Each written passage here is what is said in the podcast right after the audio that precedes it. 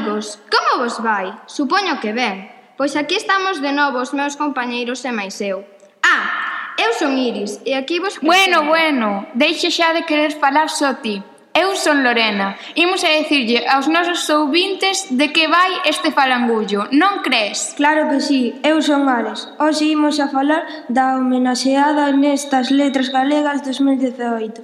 María Victoria Moreno Márquez non era galega de nacemento, pero sentía moito amor por Galicia. Verdade, Zara? Sí, E María Victoria Moreno Márquez naceu en Valencia de Alcántara, provincia de Cáceres, pero ela dicía que... Como era o que dicía? Ai, que cabeciña! María Victoria dixo nunha entrevista A miña relación con Galicia é a miña opción pola súa, pola súa lingua, é simplemente unha historia de amor.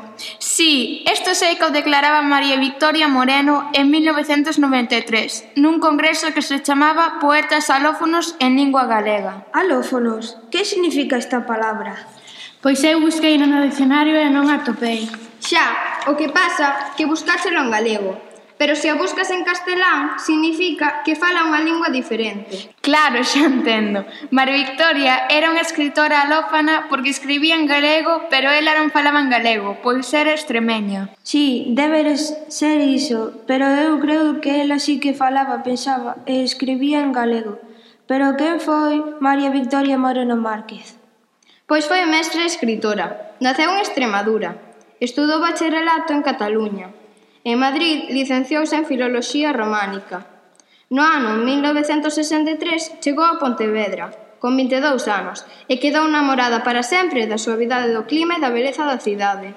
Foi profesora nos institutos Valle Inclán e Torrente Ballester, de Pontevedra desde os anos 80 ata a súa xubilación. Tamén, ademais de novelas e contos, escribiu obras de ensaio, colaborou na redacción de libros de texto e dirixiu a colección Árbore, da editorial Galaxia.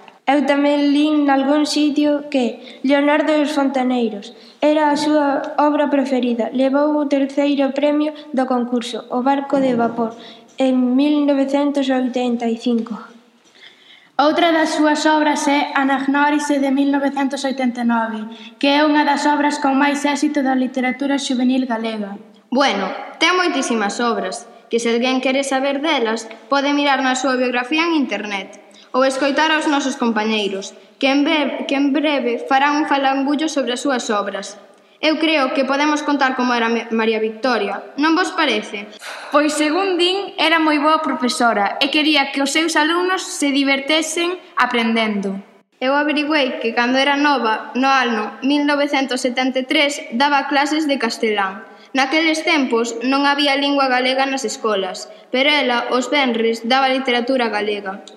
Sí, tamén lle quitaron o pasaporte por dar clases en galego de balde en Ourense. Así que defendía a lingua galega aínda que non nacer en Galicia. Pois si, sí, gustaba o galego. A mí tamén me gusta, pero non o falo case nunca. Non sei por qué. Eu tampouco falo galego. Bueno, xo cando a profe nos pon un positivo por falalo. Pero María Victoria sabía italiano, francés, catalán e castelán. Tamén algo de romeno e portugués, así que aprender o galego foille fácil. Home, está claro, eu sei que o seu primeiro libro en galego foi Mar Adiante, e según o que dixo ela, unha entrevista escribeuno porque os, o soñou e a partir de, de entonces escribiu en lingua galega. Falando de outra cousa, tamén tiña unha cadela que se chamaba Alma, e cando ia a pasear con ela, sempre invitaba a xeados a uns nenos que estaban por ali, Que sorte, non credes? Home, sí, eu tamén lin que lle leía libros ás persoas invidentes nunha sede da ONCE, en Madrid, onde coñeceu o seu marido. Xa, eu sei que o 22 de novembro de 2005 faleceu en Pontevedra por mor de cancro. Sempre recordaremos a María Vitoria Moreno Márquez por ser unha persoa xenerosa e decidida. Tes razón, Ozara. Gustáballe pasear a modo, cociñar, a música, os cans e as flores. Amaba a beleza da paisaxe, da vida, das persoas e das palabras. E creo que ata aquí a nosa par biografía particular sobre María Victoria Moreno Márquez. Non vos parece? Si, sí, Iris, estivo moi ben. Pero non quero rematar sen antes recordar aos nosos ointes que se teñen algunha dúbida poden enviar un correo a falangullo@bandaseca.es. Repito, falangullo@bandaseca.es. E tamén podedes facer comentarios na nosa web bandaseca.es barra falangullo.